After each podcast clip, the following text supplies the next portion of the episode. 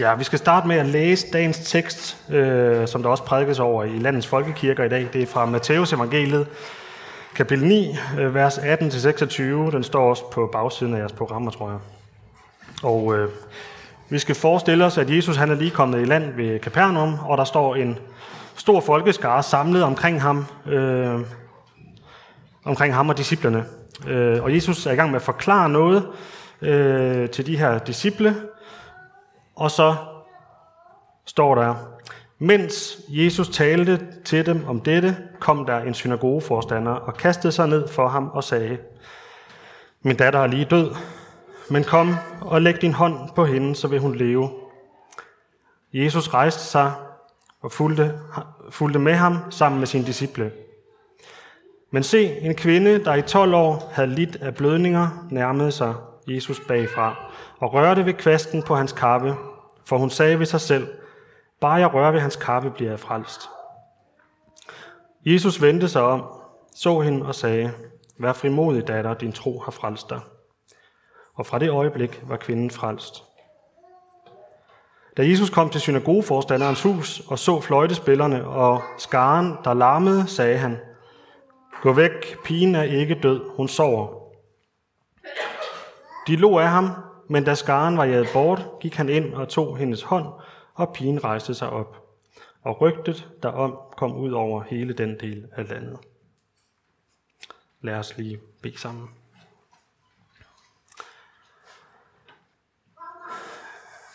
Far i himlen, jeg beder dig om, at du vil være til stede hos os nu. Jeg beder dig om, at du vil lade din ånd åbne vores hjerter og forstå øh, den dybere mening med, med den beretning, vi hører om i dag. Jeg beder dig om, at du vil gøre os modtagelige for, hvad du har at sige til os.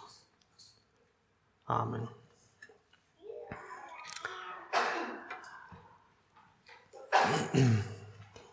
Ja, i dag vil jeg sige noget om håbløshed, når det hele bare synes håbløst.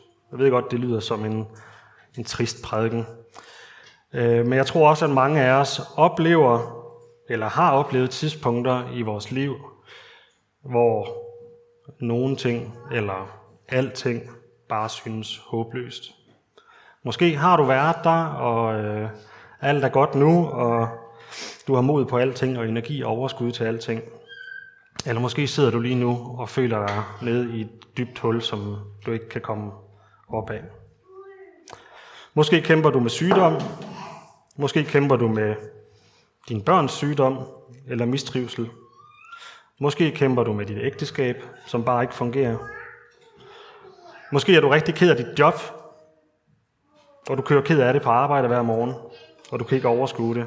Eller måske har du ikke noget job, og kan ikke overskue situationen, fordi du vil rigtig gerne have et. Måske kæmper du med ensomhed, og har dårligt overskud til at møde op til et fællesskab som det her. Måske føler du dig bare mislykket som menneske, som forældre, eller som kollega, eller som ven. Og hvis du har det sådan, så er der godt nyt til dig i dag, for Jesus han vil rejse dig op og gøre alting nyt. For mit eget vedkommende, så har jeg kæmpet med, med depression. Og i min depression, så kan jeg mærke, eller kunne jeg mærke, ligesom skyerne og mørket trænger sig sammen omkring mig, og jeg kun kan se mørke og fiasko, mislykkethed, tristhed. Og nu har jeg så i seks år spist de her øh, lykkepiller, ligesom 100.000 vis af andre danskere gør. Og øh, det tager bestemt det værste, men når jeg glemmer at tage dem, så mærker jeg med det samme det her mørke, der trækker sammen om mig. En dyb håbløshed. Måske er der en enkelt af jer her i dag, som har prøvet at have den samme følelse. Følelsen af total håbløshed. Den evangelietekst, øh, som vi skal se på i dag, den handler om to forskellige personer, øh, som står i hver deres virkelig håbløse situation. Hvor alt håb er ude, og hvor de begge to er så desperate, at de satser alt, hvad de har, eller det sidste, de har på at møde Jesus. Beretningen udspiller sig i øh, Capernaum, en ganske lille by. Der er ikke så meget, heller ikke så meget tilbage af den længere. Det er mest bare ruiner. den ligger, øh, hvad hedder det, den, den ligger i, øh, ved Genesret Sø øh, på den nordlige side. Og øh, den ene, vi møder, det er øh, synagogeforstanderen, som formentlig har haft en vis position i samfundet. Og den anden er en syg kvinde, som på grund af sine lidelser har været udstødt, eller er udstødt fra samfundet. Først så møder vi Jairus, som er synagogeforstander. Og det står der, der står godt nok ikke i dagens tekst her, at han hedder Jairus. Øh, der står langt flere detaljer i parallelteksterne øh, hos Markus øh, og Lukas, også, også ud over hans navn.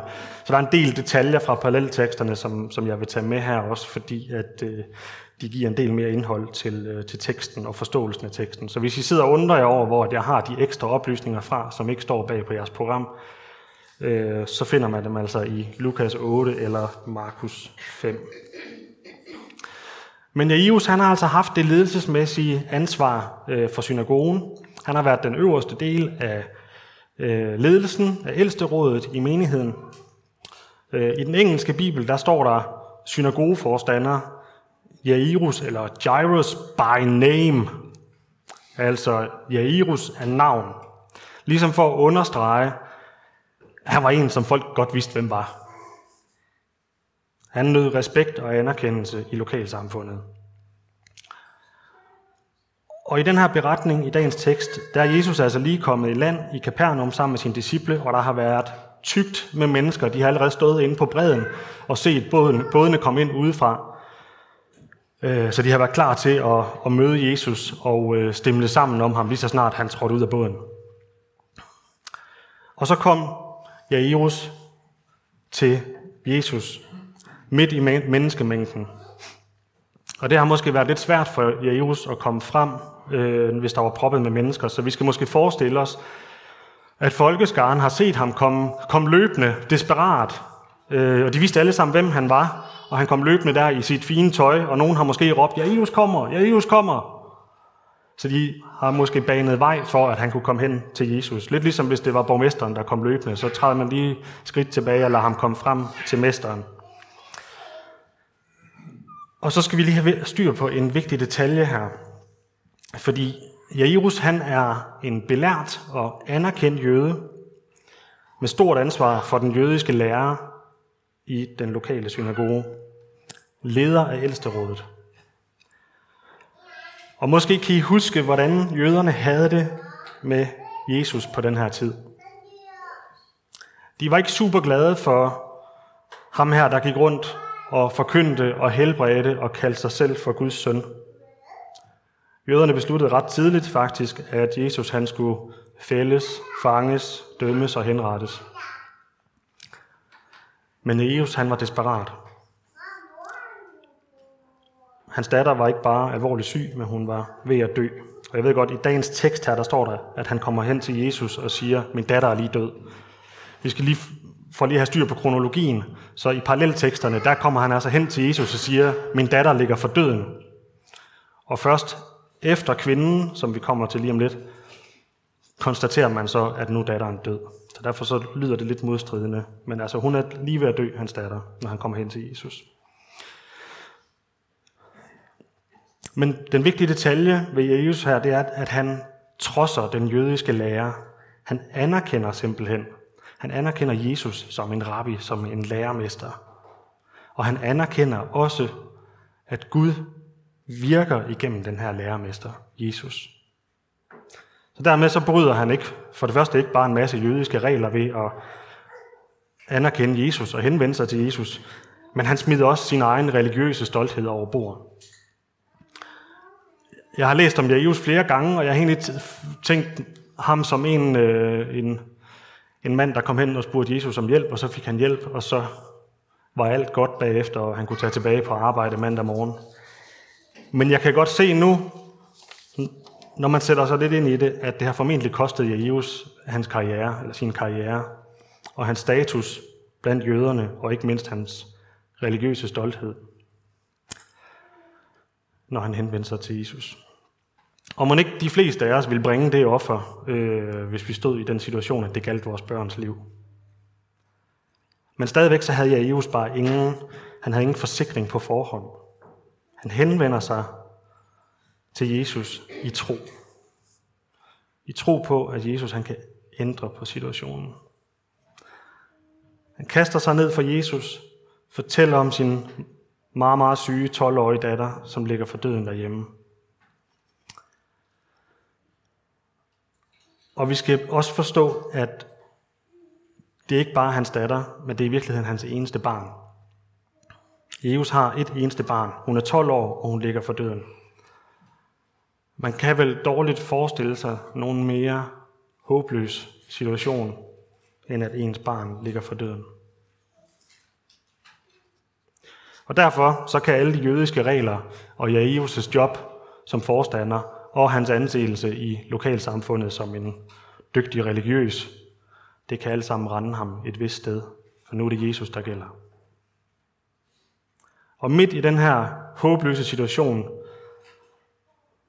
opsøger han Jesus med et men. Min datter er lige død, men kom og læg din hånd på hende, så vil hun leve. Og Jesus han reagerer øjeblikkeligt på Jairus' omvendelse til ham. Hans forståelse af ham, hans tro på, hvem han er. Så han rejser sig og går med Jairus sammen med sine disciple.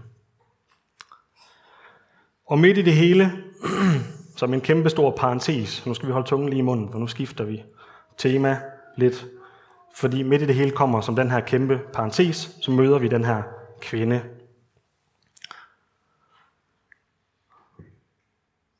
Og kvinden, som vi læser om her, hun har lidt af de her blødninger i 12 år. Jeg ved ikke, om det er tilfældigt, at hun har været syg i 12 år, ligesom Jesus datter er 12 år. Det har jeg ingen idé om. Men jeg har en supplerende oplysning til kvinden her, fordi hun har muligvis et navn. I øh, 400-tallet, der fandt man øh, noget, der hedder Nikodemus evangeliet. Et af de såkaldte apokryfe skrifter. Og apokryf, det betyder, at det er udladt. Og i det her tilfælde altså udladt af den bibelske kanon.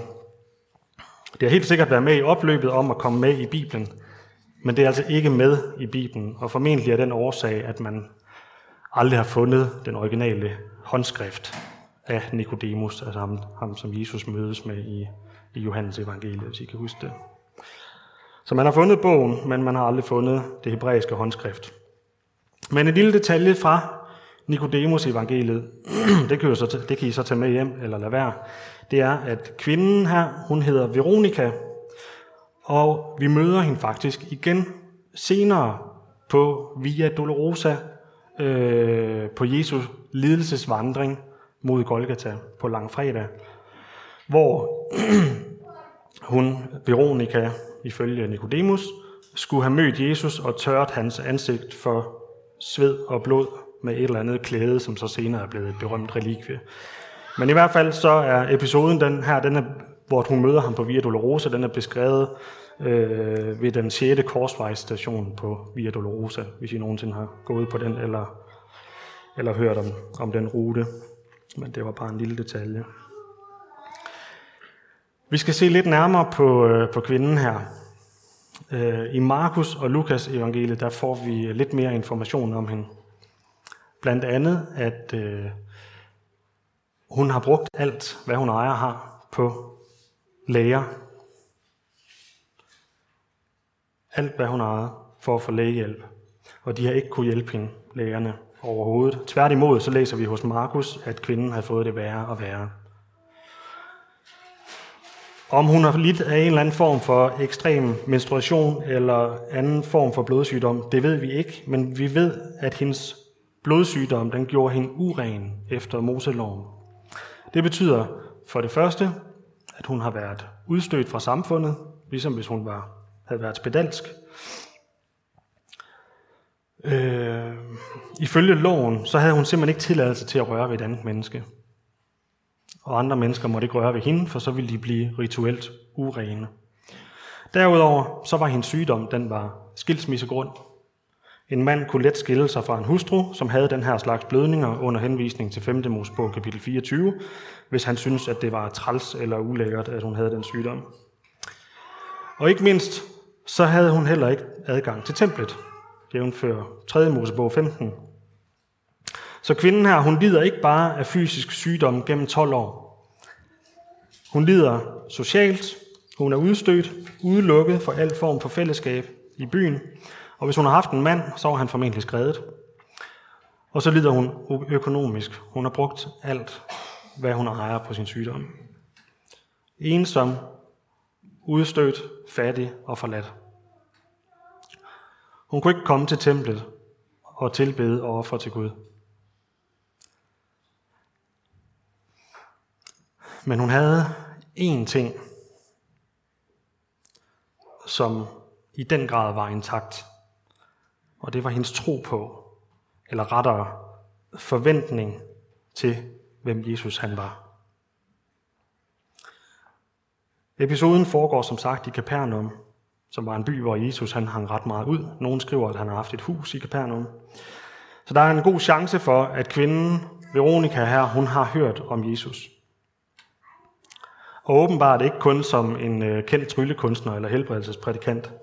Måske har hun endda læst om Messias i nogle af de profetiske bøger i det gamle testamente, og måske har hun også læst eller hørt fra Malakias bog, kapitel 3, vers 20, hvor der står, Men for jer, der frygter mit navn, skal retfærdighedens sol stråle frem. Under den svinger er der helbredelse. I skal komme ud og springe omkring som fedegalve. Under dens vinger er der helbredelse, står der. Og det er vigtigt, fordi det ord, der bruges for vinger her, det er det samme ord, der bruges for kvasten på den kappe, som Jesus han havde på. Det var en lille detalje blandt mange andre, vi lærte den dag i øh, september, hvor Morten Vartdal han var på besøg. Vi fandt også ud af, at man misser den detalje, hvis man læser den hverdagsdanske. Nå, men på sådan en kappe, der skulle der sidde fire kvaster, en i hvert hjørne, jævnfører 4. Mosebog, kapitel 15. Og det var altså en af dem, hun rakte ud efter i den tro, at der var helbredelse. Under dens vinger er der helbredelse. Retfærdighedens sol. Under dens vinger er der helbredelse. Og det var der. Ikke fordi kappen var magisk, men fordi hun troede på, hvem Jesus var. Og hun blev øjeblikkeligt helbredt. Og Jesus sagde til hende, at fordi hun troede på, at han var ham, så sagde han, din tro har frelst dig.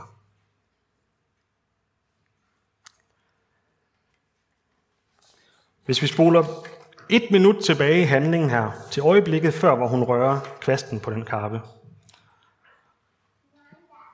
så prøv at tænke lidt over, at hun var hun er uren. En hver, som rører ved hende, vil blive rituelt uren. Det vil sige, så skal man øh, forlade fællesskabet, og så kan man komme tilbage senere og øh, efter klokken et eller andet. Når vi går til lægen her på Bornholm, så øh, har vi som regel set mindst halvdelen af alle dem, der sidder i øh, venteværelset før.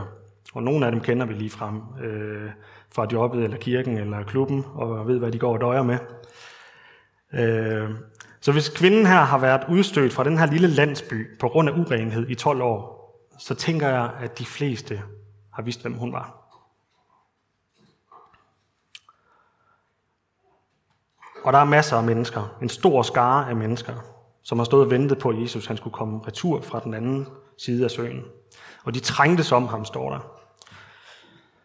Så det er svært at forestille os, det er i hvert fald for mig, at folkemængden har råbt, hey, se, der er hende den syge, hende, som skal holde sig udenfor, og som vi ikke må røre ved. Øh, lad hende da endelig komme hen. Lad os bane vejen for hende.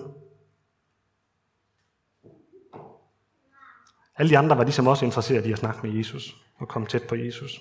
Jeg forestiller mig, at hun har mast sig igennem folkemængden, mens hun har dækket sig til og skjult sin identitet så godt som overhovedet muligt, for at ingen skulle opdage, hvem hun var, og råbe højt og få hende smidt ud af byporten igen. Og så nærmer hun sig Jesus. Og så rører hun min sanden ved Jesus. Hun kommer med sin sygdom, nød og rører ved Jesus. Hun gør Jesus, selveste frelseren, rituelt uren, ifølge Guds egen lov, ved den handling, som hun gør. Helt ærligt. Lukas skriver, at øh, så vender Jesus sig om og spørger, hvem var det, der rørte ved mig? Og ingen vil give sig til kende. Og disciplen Peter, han siger noget sådan lidt sarkastisk i retning af, prøv lige, Jesus, prøv at se, hvor mange mennesker der er her. Altså, hvem rørte ikke ved dig? Og så kommer kvinden skælvende frem, kaster sig ned for Jesus og fortæller ham, hvad der er sket. I hele folkets påhør. Hun fortalte, hvordan hun havde rørt ham, hvordan hun straks var blevet rask.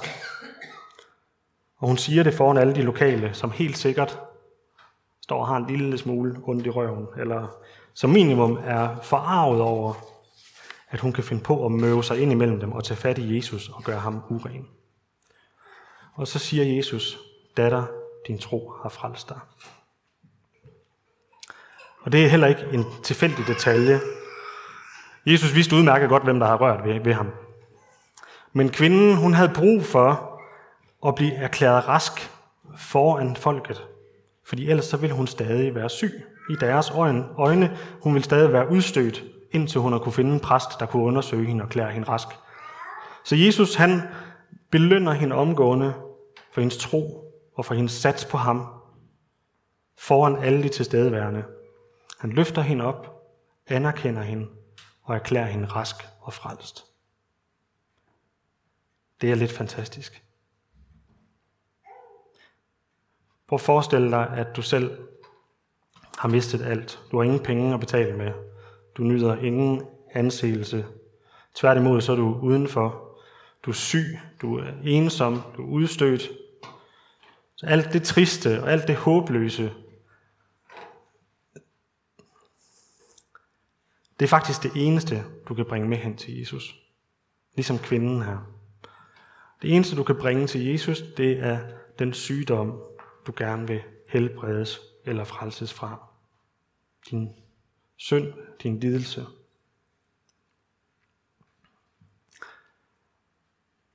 Tænk sig, at jeg kan slæbe al mit skidt og al min synd og alt det, der holder mig væk fra Jesus og væk fra fællesskabet. Det kan jeg tage med hen til ham. Jeg kan aflevere min synd og min håbløshed hos ham, og han vil vende sig om og samle mig op, løfte mig op og fortælle mig, at min tro har frelst mig. Ligesom kvinden gjorde Jesus uren med den sygdom, hun kom med. På samme måde gjorde Gud Jesus uren på korset med vores synd. Så husk på det, når du går hjem herfra i dag. Satan han elsker at tage håbet fra dig. Han elsker at minde dig om din synd, og den synd, som holder dig væk fra korset, væk fra Jesus og fællesskabet med ham. Men du kan trodse ham, og du kan mase dig vej igennem, du, og du kan gribe ud efter Jesus. Og han vil samle dig op. Han vil rette dig op og fortælle, at han elsker dig. Han vil fortælle dig, at enhver, som tror på ham, ikke skal fortabes, men have evigt liv.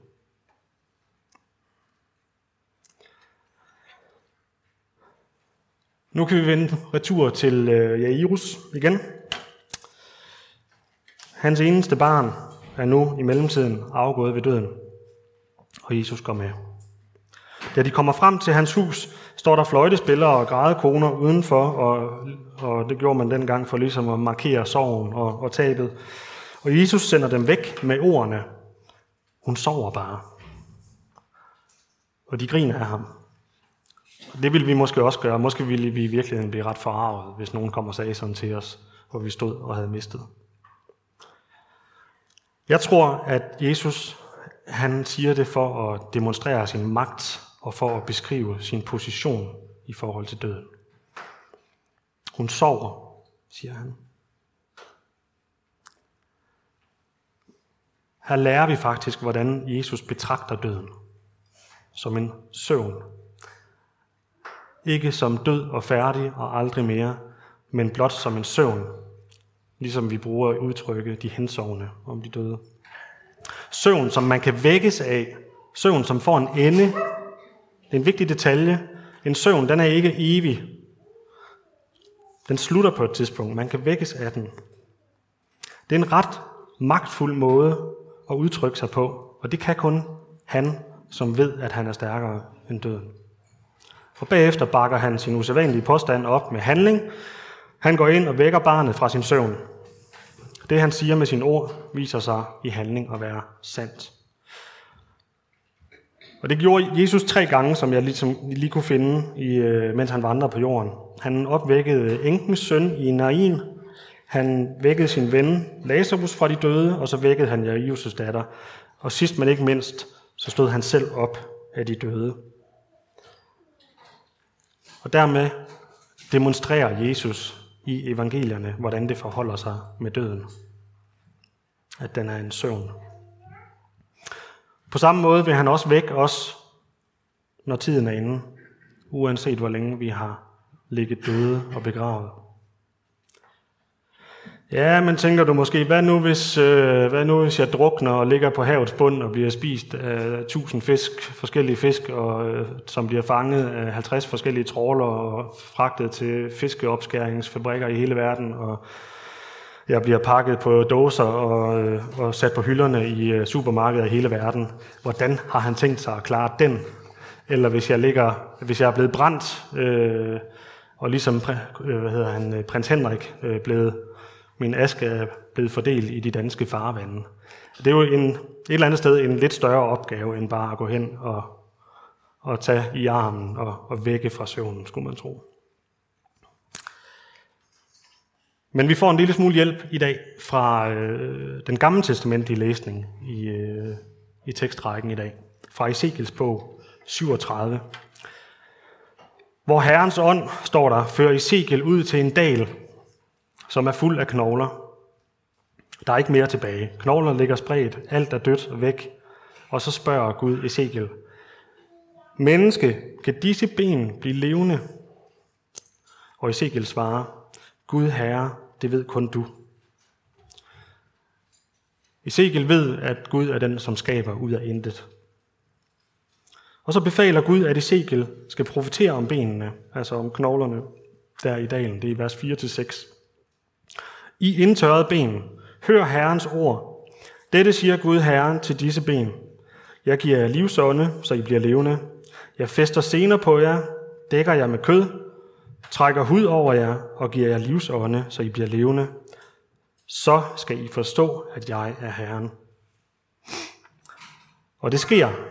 Benene får sener, kød, hud, livsånde og bliver til levende mennesker. Det er dramatisk, og en lille smule ulækkert. Men det er også en demonstrativ afvisning af død og håbløshed.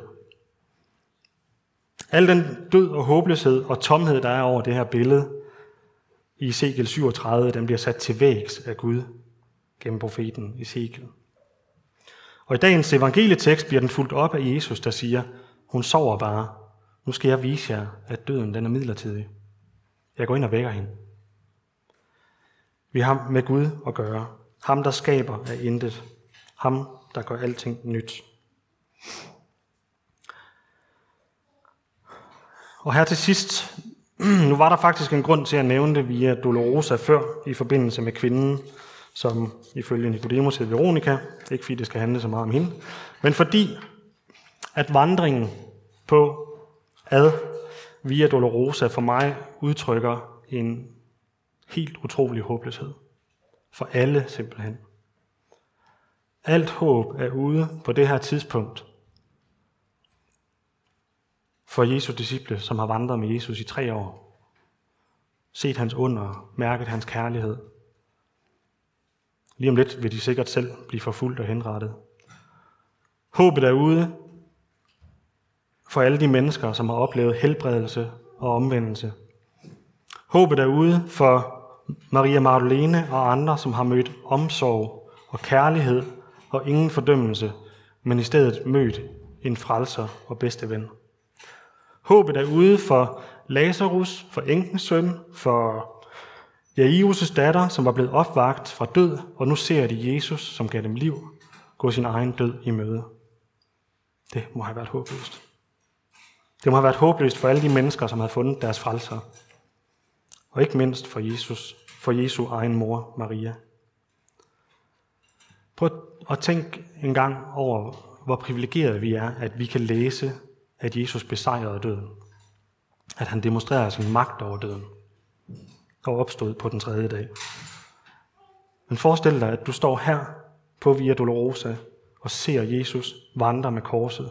Ham, som har hjulpet dig. Ham, som har lovet dig frelse og evigt liv. Og i dine håbløse situationer har han været dit eneste håb. Og nu går han selv sin egen død i møde. Pisket og gennemvangeligt, og der er ingenting, du kan gøre ved det. Det må have været uudsigeligt håbløst. Men midt i den her håbløshed, langfredag, der gør Jesus alting nyt. Ligesom han gjorde for de to personer i dagens evangelietekst. Ligesom han gjorde gennem profeten Ezekiel, som vi læste kort uddrag for før. Og derfor skal vi lige her næsten allersidst se et lille to minutters klip fra filmen Passion of the Christ, hvor Jesus går af Via Dolorosa, bærende på korset, og han falder. Og hans mor, som ser sin søn pint og tortureret næsten til døde, hun kommer løbende for at hjælpe ham op. Og man fornemmer en uendelig håbløshed i den her scene. Men midt i det, så giver Jesus ren besked til sin mor om, hvad det er, han har gang i. For mig personligt, så er det den stærkeste scene i den her film, og det stærkeste budskab i den her film. Øh, det er en lille smule blodigt, og underteksten, som bare er et par enkelte sætninger, det er på engelsk, og hvis I ikke forstår det, så skal jeg nok oversætte den bagefter. Men uh, Andreas, du må gerne sætte den på, hvis du...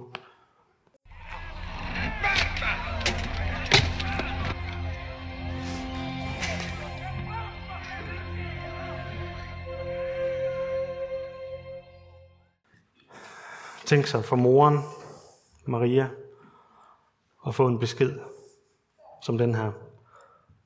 Se mor, jeg gør alting nyt. Det var det, Jesus han havde gang i den dag.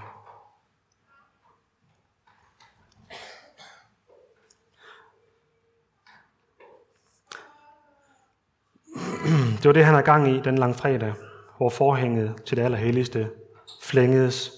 Der var det løfte, som han gav Adam og Eva fuldbragt. Jesus skaffede os adgang til Guds nærvær. Han stod op fra de døde på den tredje dag. Han genopstod fysisk, ikke, ikke som et spøgelse eller som en ånd. Han gik tur med sine disciple, han spiste med sine disciple, han talte med sine disciple. Tænk på en jubel, det må have været for disciplene. At have stået her og set det her langfredag. Og så se ham opstå igen og vinde over døden. Forestil jer en jubel. Lige så uendelig som håbløsheden må have været for dem den her dag på Via Dolorosa og på Golgata, lige så uendelig må jublen og begejstringen have været for dem, da de så ham igen. Apostlen Peter skriver til os i sit første brev i kapitel 1, vers 8-9. Ham elsker I uden at have set ham. Ham tror I på nu, uden at se ham. Men I skal juble med en usigelig, uudsigelig glæde, forklaret glæde, når I kommer frem til troens mål, jeres sjæles frelse. Og så skal vi også genopstå. Fysisk. Det siger vi jo i vores trosbekendelse, som vi skal sige lige om lidt. At vi tror på kødets opstandelse og det evige liv. Så vil Jesus vække os fra døden, som han blot anser for at være en søvn, en midlertidig tilstand.